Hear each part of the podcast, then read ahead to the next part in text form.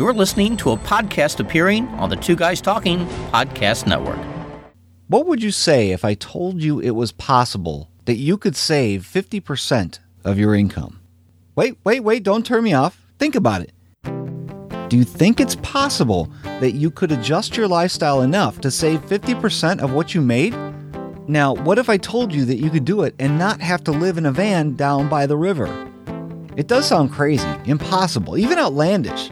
But there are those in America who are doing this and they aren't members of the 1%. My guest is going to give you five ways to save big money in 2016. And I think you're going to find that it's not as hard as it seems. Are you ready? Here, take my hand. Let's go. This is the show for the person who wants to have no debt, to build wealth, not a credit score, and live a life where the only financial problems is finding time to read all the mutual fund prospectus that come in the mail.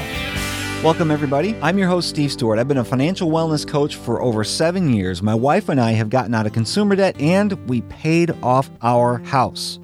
You don't need to be a genius to become wealthy and you don't need a degree to know how money really works. You just need to pay attention. Man, I'm excited about today's episode because we're going to tackle money from three different angles. One from the saving side, another from the side of saving on taxes, and finally, the income side. Later on, we're going to talk to Andy Magnus. He's an ex IRS agent and he's been a CPA for many years. He's going to talk about how we can take advantage of deductions for having a home based business In the Habits of the Rich segment at the end of the show, we're going to talk about some of the data from Tom Corley's Rich Habits study that shows that having multiple streams of income at any stage of life definitely contributes to you becoming wealthy. But as I let off in the beginning of this episode, we're going to talk about big ways to save money in 2016. To do that, I'm bringing on Joe Salcihi. He's a recovering financial planner, having worked with couples and individuals for 16 years to reach their financial goals. He left the corporate world to pursue new ways to help even more people through blogging, podcasting, and speaking, which he speaks a lot over at stackingbenjamins.com. And he's going to be the one to bring us the top five ways to save big money in 2016. Joe, welcome to the show. Man, I'm back. You are back. Actually, this is your first time on this show. that is true. But I'm back hanging out with Steve, and that's the best part. It's kind of like if you move from one house to another, and you go to first visit that person in their new house and guess what? It's like I'm back. But it's a brand new house. They were never there. It is totally new but uh different at the same time. You're always welcome in my basement, my friend. Well, thanks, man. You're going to share with us five ways to save big money in 2016. Absolutely. We're going to have some fun, dude. Yeah, we are, and we're going to do it Joe and OG style, which for the listeners who don't listen to Stacking Benjamins, it's a top 5 countdown of whatever they feel like talking about that day. right. So let's get started. Come on, Joe, lay it on us. What is the first way we can save? I'm sorry, what is the number 5 way that we can save big money in 2016? Well, the number 5 way, actually it's funny because it, this is going to be very hard for me to do is that as that countdown because they're all kind of interchangeable pieces. But I'm going to give you number 5 is is not the one that helps you save the huge money, but it's definitely the one you have to start with, which is learn how to hide money from yourself. Because here's what happens is I start packing my lunch when I go to work, right? Or I cut the utility bills. Now all of a sudden I have that money in my budget and if I don't have a way to get that money out of sight, I I'm going to spend it. So I have to have some mechanism. I have to have some systems. And actually, at Stacking Benjamins, our man, part of our manifesto is great financial planning is not about inspiration and it's not about being determined or dedicated. That stuff, as you know, Steve, it, that goes away, right? You get excited about stuff, and after a couple months, you're not excited anymore. And now, you're not going to do the same stuff. Like if I get excited to go work out every day, like I, I ran at six o'clock this morning, it was like 32 degrees in Texarkana, Texas. It was cold. My butt did not want to go, but I'm excited about running right now. But after a while, if I'm just, if I'm just, just hoping to keep up that excitement, there's going to come a day where the excitement's not there. It's the same thing with with your money. So hide money from yourself. Here's something that I used to do when I was an advisor. I would have a family that I'd work with and I would teach them how to save some money. And once we saved it, let's say that amount was $100 a month. We would immediately take that money and if we could use direct deposit out of their their uh paycheck and if we couldn't do that make it an automatic transfer out of their checking account or their savings account, whatever, have that money automatically disappear once a month. So they wouldn't have to think about it. They wouldn't have to write a check. And then we would take that money. And if they didn't have an emergency fund, which was usually the first place we'd start, we created an emergency fund, but we would put that emergency fund in Minneapolis. Now, my practice was in Detroit. And at the time that I started as a financial advisor, I, I uh, uh you know, you couldn't just quickly get on your phone. You know, you're an old guy like I am, Steve. we did we we didn't have we, we couldn't just press a few buttons and all of a sudden the money's transferred into our account. You had a couple ways to get the money. The first way was was to have it a check overnighted to you which would be the quickest way. Now, you were going to pay some fees to get that money back, but if it's really an emergency, who cares about the fee, right? I, I mean, if it's a true emergency, I don't care about a, a $12, whatever, the, I don't even remember what the fee was, but that fee becomes inconsequential. The other way was to drive to Minneapolis, drive from Detroit to Minneapolis and go get your money because it was available and it was yours and there would be no fee then.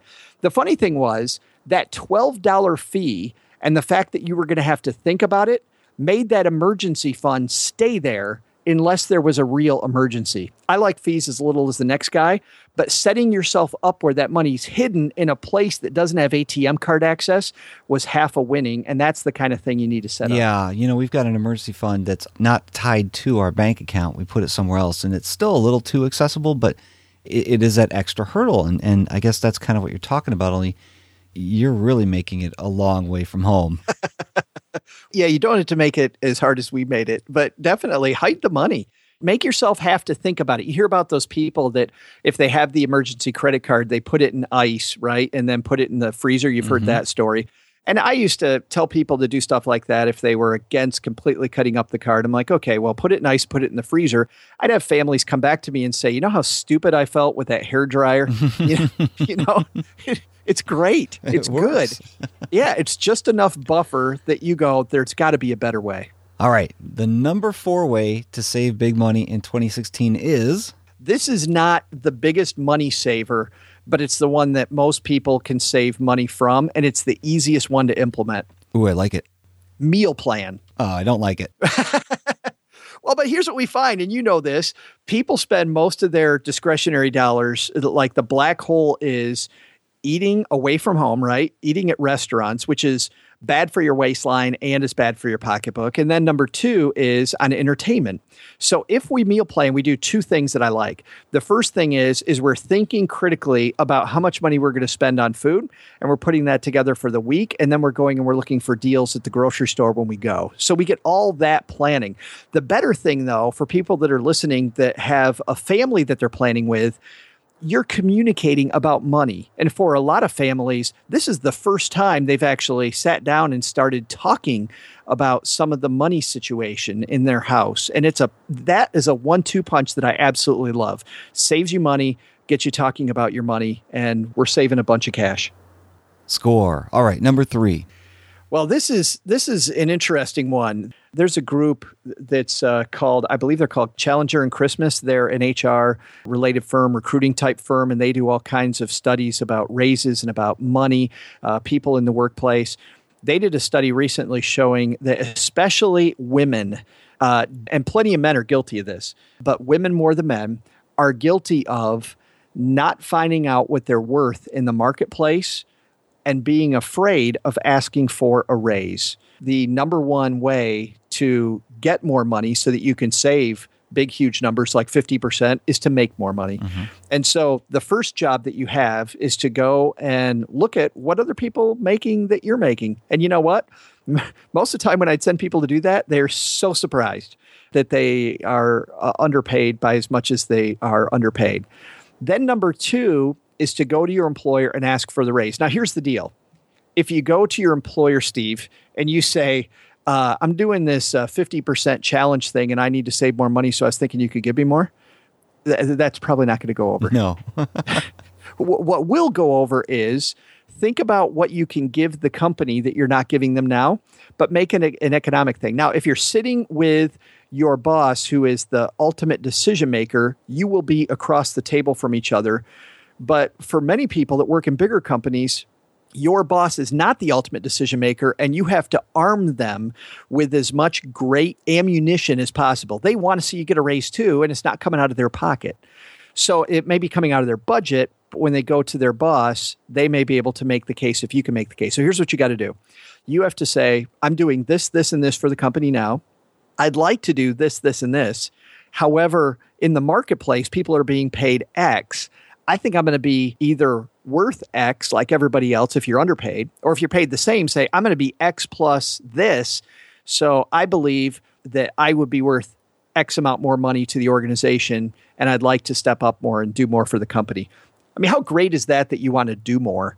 You want to do more for the company, and then asking for more money just comes along with it. So making more money, asking for a raise is my number three. Hey, the good news, is, Joe, is that uh, we're on to number two. We're more than halfway there. It's, I got goosebumps, Are man. Are you ready? Number two. Bring it on. Number two is side hustles. And uh, side hustles are a great way to make money. If you have a passion, something that you like to do, that you can turn into a money maker but it's not something that you're currently uh, uh, making money at. So uh, that can be anything like, you know, if you want to start a blog or if you want to, uh, you know, have a podcast, cuz this makes tons of money, right, Steve? Oh, yeah. Actually, my business partner said I needed some write offs. and here it is. right. No, uh, uh, your side hustle, if there's something that you like doing. Now, sometimes – there's something to be said for having something that's your passion that doesn't make money because it's a great stress reliever. So, because I've seen people try to make money at stuff that they really like and then it becomes no fun anymore and then it just is a grind you don't want to do that. But certainly if it's something that you enjoy and you want to do more of it, then then go do it. Cuz this is what I'm going to do. Back at Halloween, I went on one of these ghost tours. Have you ever done these ghost tour things? My wife has. She's loved them. Yeah, I I went to one in Williamsburg, Virginia. I did one in Charleston, South Carolina. They were phenomenal. When I saw that Texarkana, Texas and Texarkana, Arkansas were going to have one, I was like that is so awesome in my hometown. So my kids were home holiday uh Halloween weekend, so Cheryl and I and the twins, my son's girlfriend, we all went down there. It sucked. it, it was the guy doing the tour, this kid doing the tour didn't just tell stories, which the stories were fine, he would commentate about the stories that he was telling. So he'd say, well, at this point, I like to tell this story and I try to tell it really spooky so that people get kind of scared. But then I have people and they will like, you can see them squirming. So then I don't make it as scary for them. So if this story is going to be too scary for you, let me know. And I'll, I'm like, just tell the story. We're, we're on a, we're on a ghost tour. I don't need the whole explanation. And uh and then he'd get done with the story and he'd say, "Well, that was a really scary one. So now I'm going to tell you a happy story." I'm not on the happy story tour. I'm on the ghost tour. Come on. Haven't you ever done one of these? So I love history. I think the whole ghost thing is fun. I think I can tell a story pretty well. I'm going to apply with this ghost tour company. And it's something that I love. It's something I want to know more about. My my town that I live in that I really love. And uh it's going to be fun and I'll make some extra money. And it's not like you don't have a lot of extra time on your hands. You're totally free to do what you want all day long sitting in the basement. I'm sitting here with my feet up right now, man. yeah, right. Don't tell mom that. All right, here we go. Number 1 of the top 5 ways to save big money in 2016 is if you're going to look at expenses, you have to seriously look at the big expenses if you want to make big changes because you know you can cut your it, meal plan was probably a decent one, but you see people that you know my feeling about like the latte factor. Mm-hmm. I love David Bach. We've had him on our show. I love these ideas to cut 5 and 10 bucks. 5 and 10 bucks. Maybe when you first start out it's going to make a difference, but if we're if we have this big hairy audacious goal of saving half, the latte isn't going to do it. So we have to think about the big stuff. So think about things like your automobile expenses and your home. And if we start with the auto expense, think about on the on the easy side think about the trips that you take that are under a mile. People there all these studies that show that most of people's trips are under a mile and they usually take the car. And you think why why should people take the i mean take a bike walk. Uh think about the health benefits once again just like not eating out at a restaurant all the time think about the health benefits of walking or riding a bike. I love to play board games. I've got a friend who lives less than a mile away and I've lived here for 7 years. For six and a half years, I took my car to Mike's house. And it was 6 months ago I went, "Why am I not riding my bike to his house?" to go play some Settlers of Catan, you know? I I should go to game night that way. And so since then I ride my bike and I love it. It's fantastic. Less wear and tear in the car, car lasts longer. I drive an older car. Um, I've got over 200,000 miles on my car. I want my car to last forever.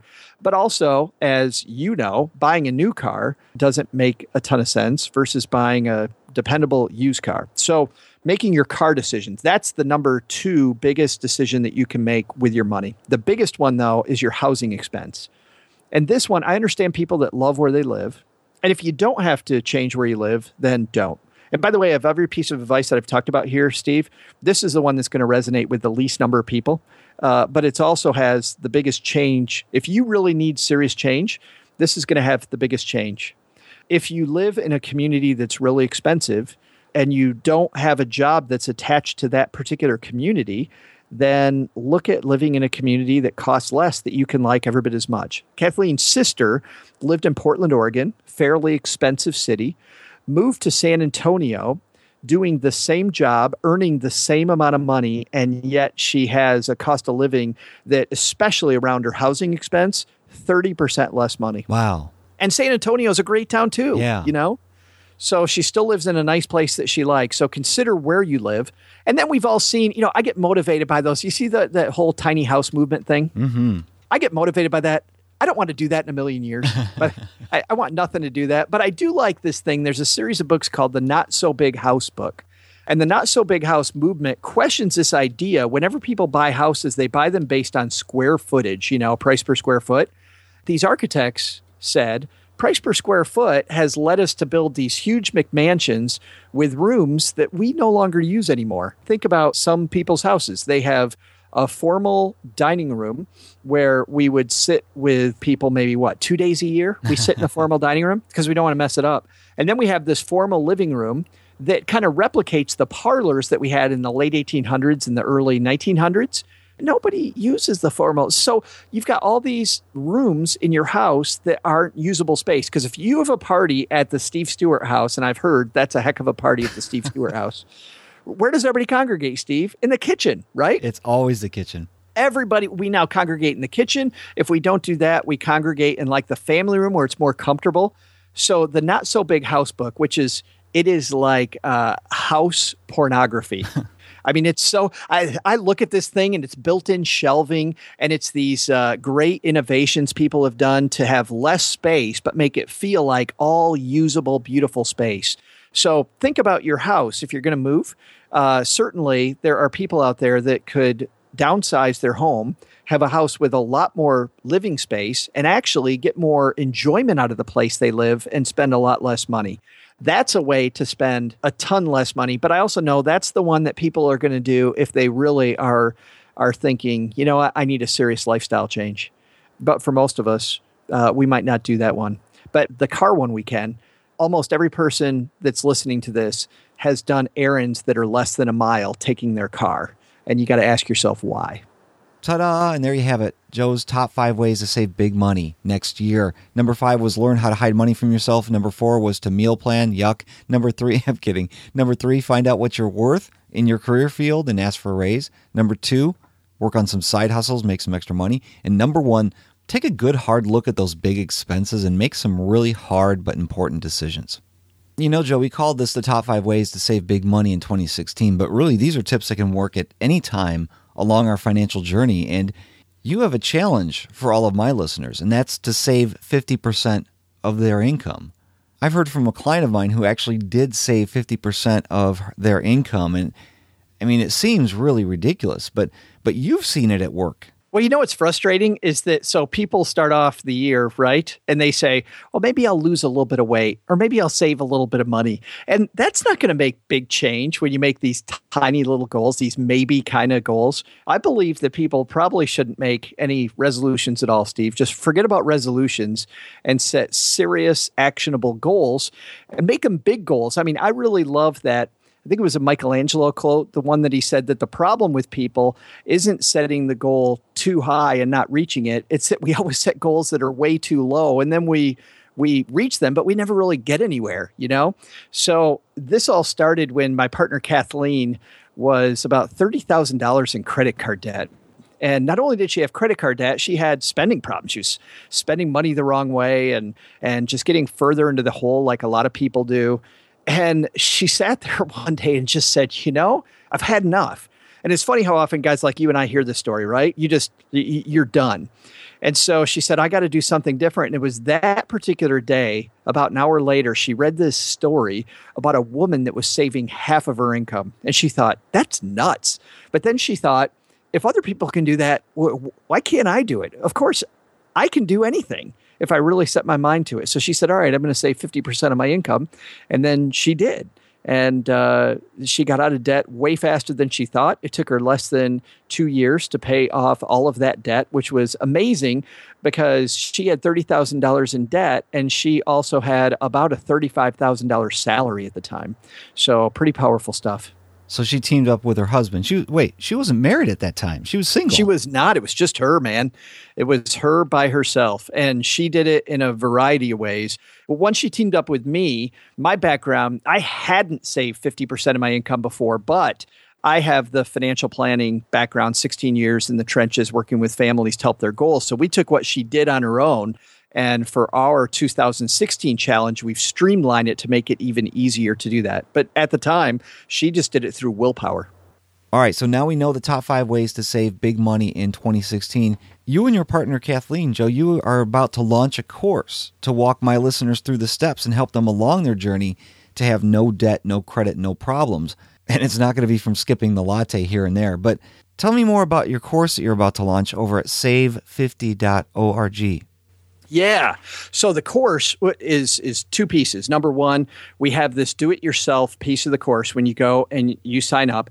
We've made the course incredibly inexpensive because we know that a lot of people that are doing this are struggling to save anything. And like Kathleen, we didn't want to make this a big barrier, but we also promised that by the time you get through the second module, you are going to have saved the amount that we are charging and then the rest the other three modules are all the icing on the cake that you're looking for.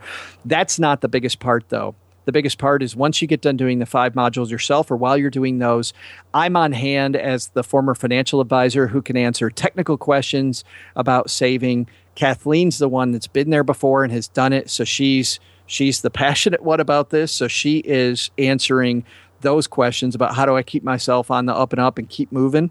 Uh together we're in this closed Facebook group which is also us motivating each other at the same time. So we're pack hunting.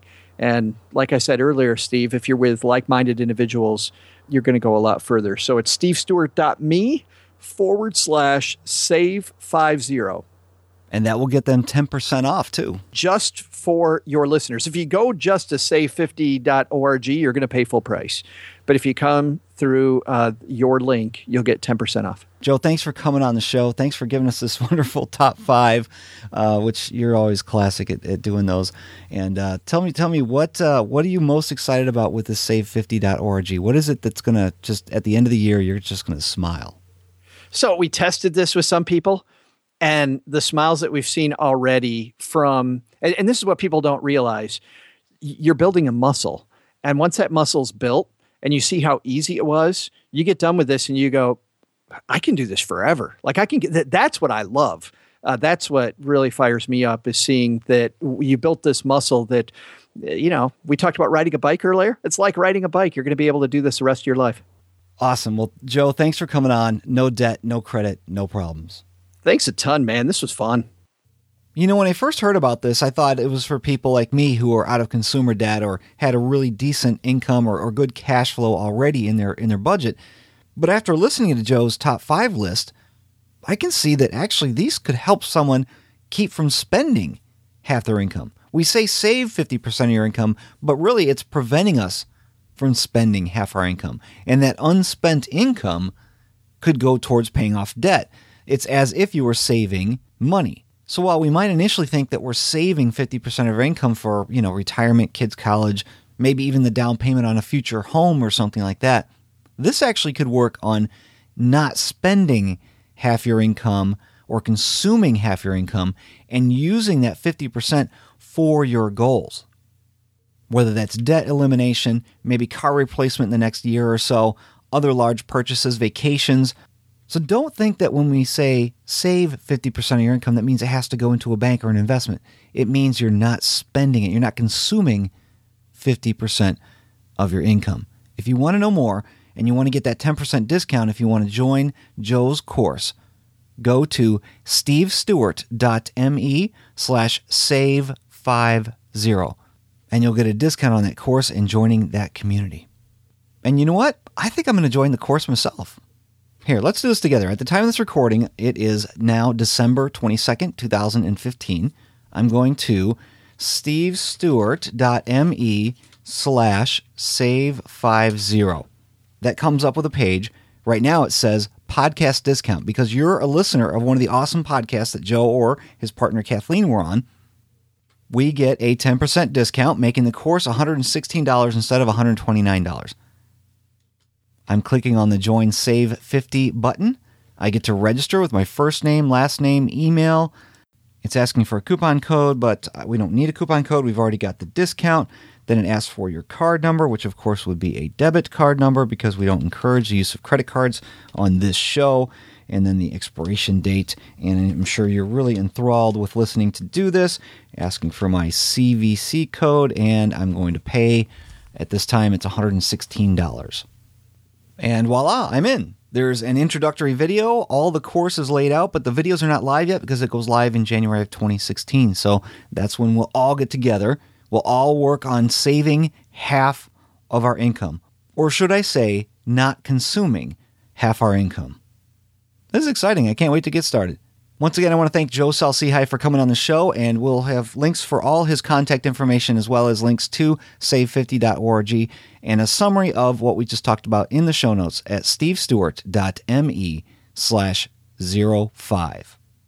All right, we're going to do a little housekeeping here and honor our sponsors of the Two Guys Talking Podcast Network.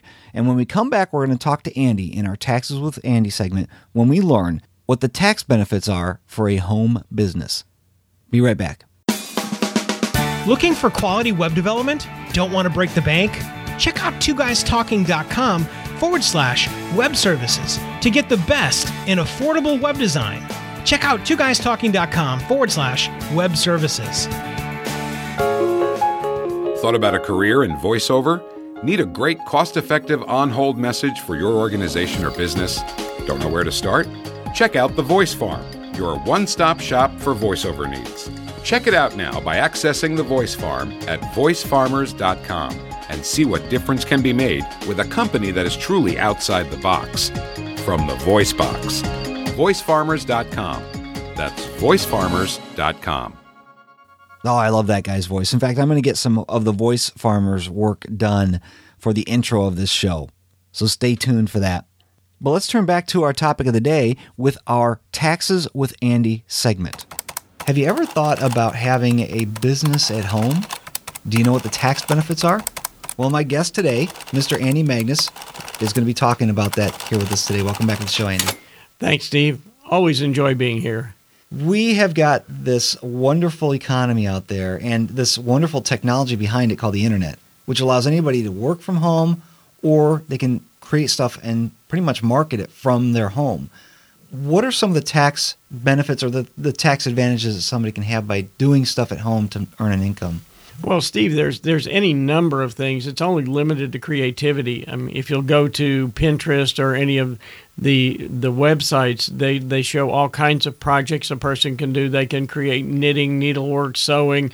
Um, you know, you can work in the shop and and build things out of wood and market them on the internet, as well as having uh, MLM multi-level marketing businesses opportunities they're they're all all abound and each of those allows you to operate out of your home instead of having to go rent a place to do business and the beauty of that is that just like General Motors or Microsoft or any of the other big companies, the kinds of expenses they have, you will have too. But now the things that you were already paying for, like part of your car, part of your phone, part of your meals when you're talking to friends who also, oh, by the way, happen to be customers, are going to be deductible. So without changing your spending habits, you'll love this, you're creating additional deductions and reducing your tax. And we're talking about this on a business side. We're not talking about personal deductions, but that's what I mean if somebody's going to have a small business, they need to know how to complete those types of forms or know somebody who can. That's correct. And that's the thing is the key factor here is there's a difference between a hobby and a business. To be in business, you have to have a profit intent. You have to be able to look and say, is it feasible for you to make a profit or is this just a hobby you're trying to write off and create tax deductions? Like this podcast. well, but see, you have a business purpose. You are internationally known celebrity, and and so this is actually business purpose. It ha actually helps feed your other business. Right. Do I actually have to work out of the house to have what's considered a home-based business? Most of the time you will work out of the house because that's be your only place that your office is. But frequently, you may be out talking to people at, at a Starbucks or at a Breadco or some other place where you're meeting with them and having coffee or having a glass of tea or something and talking to them about what they're doing and what you're doing and you know you can lose 27 pounds on the first day and look 27 years younger within the first week and it's only a modest price of so you're talking business with people. So yeah, you will be most times as well as having gatherings in your home probably, you're going to be out on meetings with people and also going to where they are because frequently you're trying to make it as convenient for them because everybody's focused in and tuned into the radio station WIIFM which is what's in it for me let's create a home-based business in our mind for our listener here, and let's just say they're going to start selling stuff on Etsy. Okay. And they can actually they create something that's very clever, very interesting. A lot of people end up buying it, so they actually are going to make a profit, as you said. What are some of the things that this person can start to write off from their business taxes? Just like any other large corporation, they're going to have some expenses. They have to have a telephone to be able to talk to their customers, provide customer service, find suppliers, find people to do things. So a parish portion, at least, of their phone will be deductible. And that's the same phone that they were paying for before they got into business. Okay. Uh, if they have an area of their home that is exclusively used for business, they may be able to take a deduction for that. There's some very special rules. Let's say it's a sewing room it's a sewing room. It's used exclusively for creating Sewing those projects. You can then take a deduction for a portion of that room. And that's, again, a whole set of rules we won't get into today. Right. The usage of your car, the car that you've been driving low these many years, that is now has been sitting in your driveway for 7 years. Now you're using it for business. Now you can take some deduction for the number of miles. Again, on all of these things, it's important to keep the records because keeping the records will then allow you to claim the deduction without tearing your hair out in March or April trying to get everything together let's go deeper into the discussion of the miles thing cuz uh, I, I can imagine if somebody's creating crafty things for Etsy, they also might go to a flea market or something like that would they be able to deduct the miles that they drive from home to the flea market? Exactly. These are the the uh, business miles. There's again some very fairly complicated rules on whether it's business miles, is it commuting, did you go to your job before then or after then, is it and so that's beyond the scope of what we're talking about here, but there are some benefits to creating that and strategically planning your travel. What are some of the things you said phone? I imagine internet because a lot of people who are selling on Etsy, this is just for example, you know, they're using the internet. Obviously the materials that they're buying. Correct. Uh you said home expenses, so a portion of their home if it's exclusively used for this business purpose. I get a lot of people that ask me, "Andy, can I deduct this?" And you know, that's a, an okay question, but it only has two answers, Steve, which is yes, no. The better question to ask is, how can I deduct this? If it benefits your business, if you can say this is a way that it either makes me money or saves me money in my business, then chances are it is deductible. So there's a whole list of, of except fors, but most times if it if it benefits your business, if it's educational, if you uh, then it and it benefits your business if you take a management class, If you take a communications class that's going to help you in your business, those things can become business deductions. And even though before it was just, well, I think I want to learn this.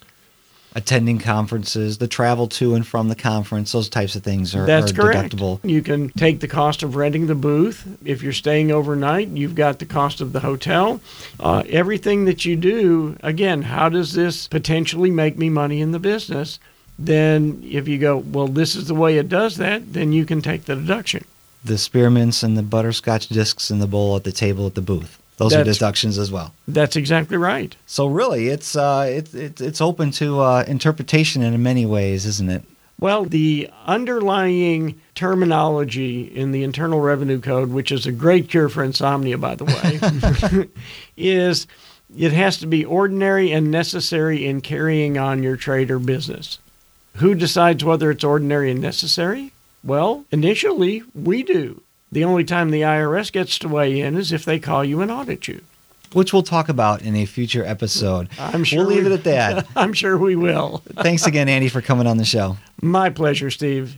This information is general in nature and may not apply to your specific situation. Because the tax law is written in words, there may be more than one interpretation of any given set of facts. She sells seashells by the seashore. Contact a qualified professional before taking any action. Coming up, Habits of the Rich and how a side gig can turn into big money.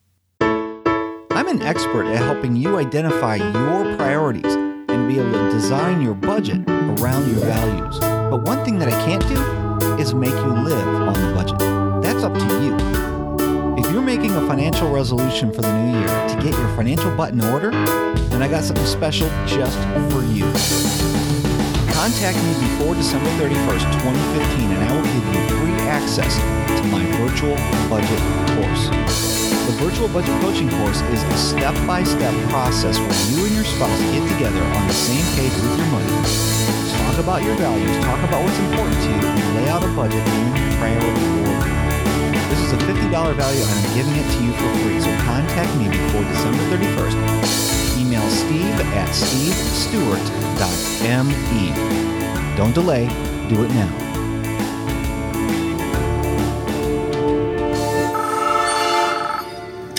Hello? Do you know who this is?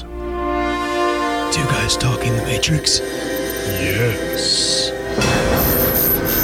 It was a movie that smashed records, imaginations, and limits for gunfire inside of feature films. The Matrix, 1999, directed by the Wachowski brothers, was recently put squarely inside the crosshairs of the perspective review from Two Guys Talking.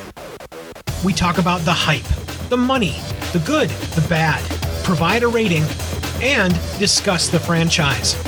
Also, learn about all the great weapons utilized inside The Matrix from SovereignArms.com's Matt Gummersell, senior firearms instructor specializing in dynamic weapons training. Don't miss yet another record-breaking perspective review from Two Guys Talking. All this and more is waiting for you, as well as the decision to take the blue or the red pill. Over at twoguystalking.com forward slash matrix. It's the perspective review of 1999's The Matrix, only from Two Guys Talking.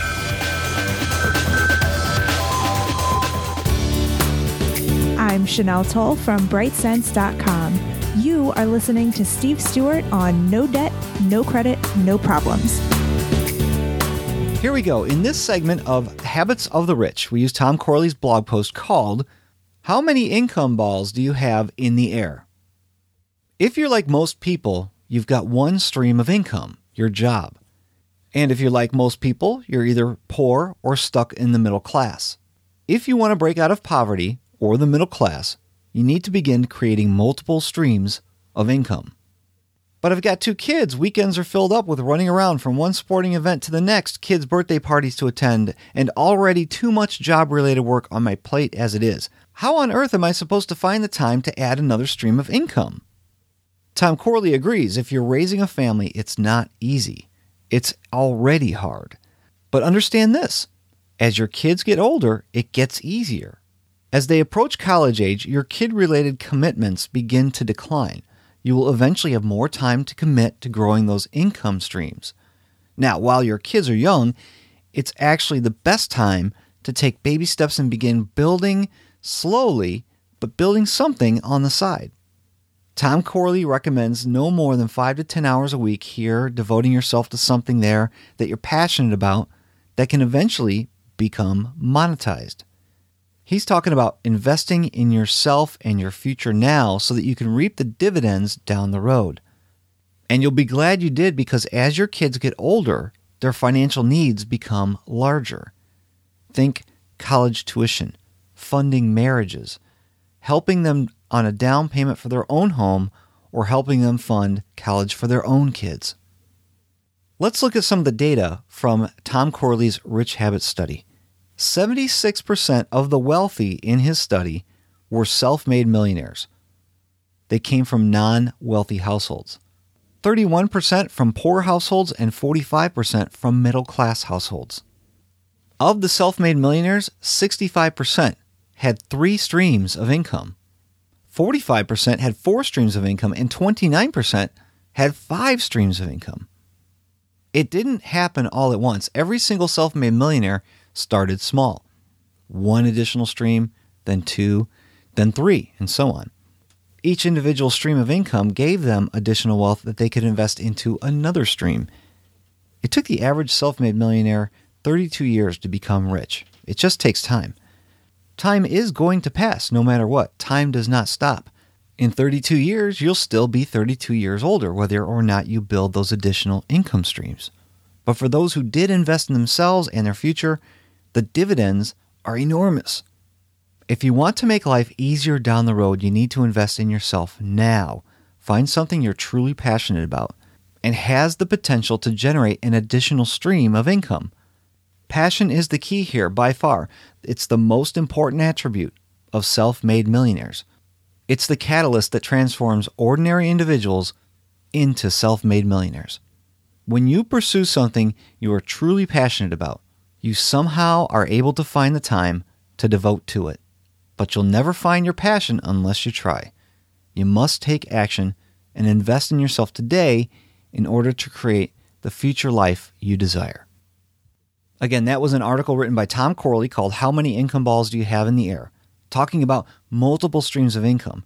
And as we alluded to early in the episode with Joe Salcihai, one of the ways to create more income to be able to save big money is by finding a side hustle, finding something to do to earn money.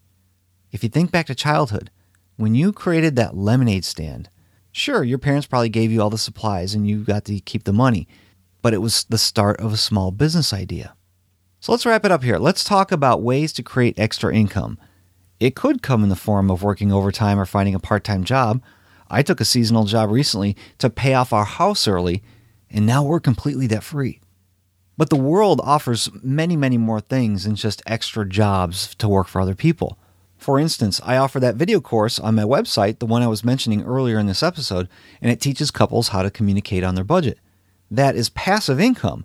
What that means is that it can be sold over and over again without much involvement on my part. You could create an online course of your own. You can put training videos on udemy.com or make affiliate sales. Or another idea, as we were talking with Andy Magnus in our Taxes with Andy segment, you could create a product or service business that fills a need for others, like shoveling snow for neighbors, or babysitting, or dog watching, or house sitting, or cleaning houses. You could create a small business today that does not require uploading a resume to monster.com, and it doesn't require a four-year degree. A side hustle is just that. It includes hustle. Work ain't always easy, but if you find something that you like to do, it makes it much more enjoyable and you're more likely to serve people well in it. That could be your New Year's resolution. This call to action to think of a small business idea that creates income and enables you to save up to 50% of your income and will enable you to have no debt, no credit, and no problems. I'm your financial coach, Steve Stewart. If you've got questions or you want help with your financial future, reach out to me. Links to everything we talked about are in the show notes at stevestewart.me/05. Have a great week and may God bless you.